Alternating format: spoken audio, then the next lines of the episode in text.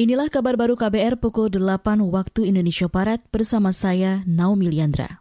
Sejumlah daerah siap melakukan vaksinasi COVID-19 hari ini. Salah satunya adalah Kota Solo, Jawa Tengah. Wali Kota Solo, Hadi Rudiatmo, menerima langsung kedatangan pengiriman vaksin tahap pertama malam tadi. Menurut Rudi, tenaga kesehatan menjadi prioritas utama tahap pertama vaksinasi di Solo.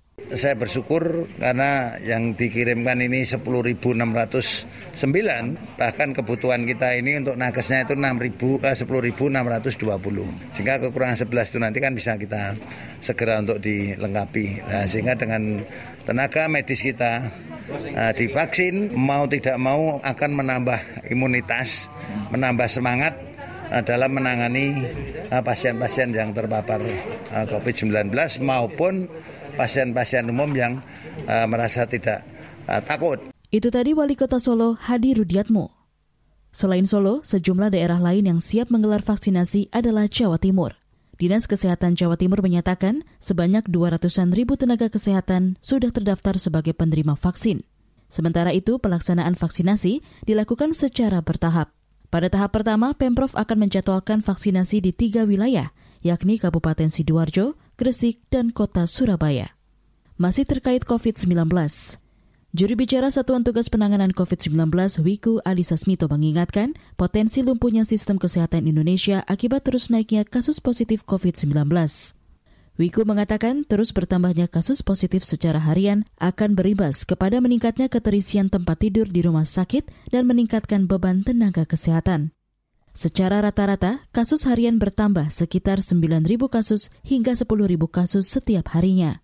Sebagai contoh, penambahan kasus positif harian berimbas pada meningkatnya keterisian tempat tidur di rumah sakit dan bertambahnya beban para petugas kesehatan. Hal ini secara langsung dapat berdampak negatif pada keseluruhan usaha penanganan atau treatment di rumah sakit tersebut.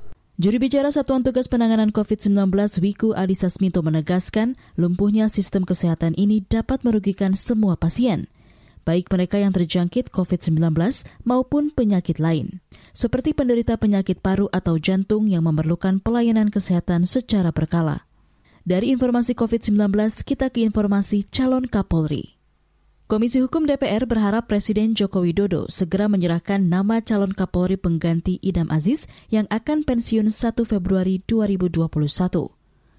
Wakil Ketua Komisi Bidang Hukum DPR Herman Heri beralasan masa sidang kali ini relatif pendek, sehingga komisi harus padatkan semua agenda.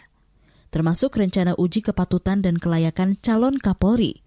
Hal itu disampaikan Herman usai rapat internal komisi di gedung DPR kemarin. Dalam rancangan kami, kami berharap kalau bisa dalam minggu ini surat masuk, kemudian dibawa ke Bamus, aturan sudah tidak perlu ke paripurna lagi, segera dari Bamus ada penugasan kepada Komisi 3, kalau bisa hari Kamis, kami sudah bisa mengundang RDPU dengan Kompolnas dan PPLTK hari Kamis nanti. Itu jadwal kami tadi, hasil rapat internal. Kepala Polri Jenderal Idam Aziz akan pensiun pada 1 Februari atau tepat saat berusia 58 tahun. Sesuai dengan ketentuan peraturan perundang-undangan, Jokowi wajib menyetor nama pengganti Idam ke DPR RI paling lambat 20 hari sebelum masa jabatan Idam berakhir. Ada sejumlah nama yang berpotensi mengisi posisi tersebut, antara lain kabar eskrim Listio Sigit Prabowo. Demikian kabar baru KBR, saya Naomi Liandra.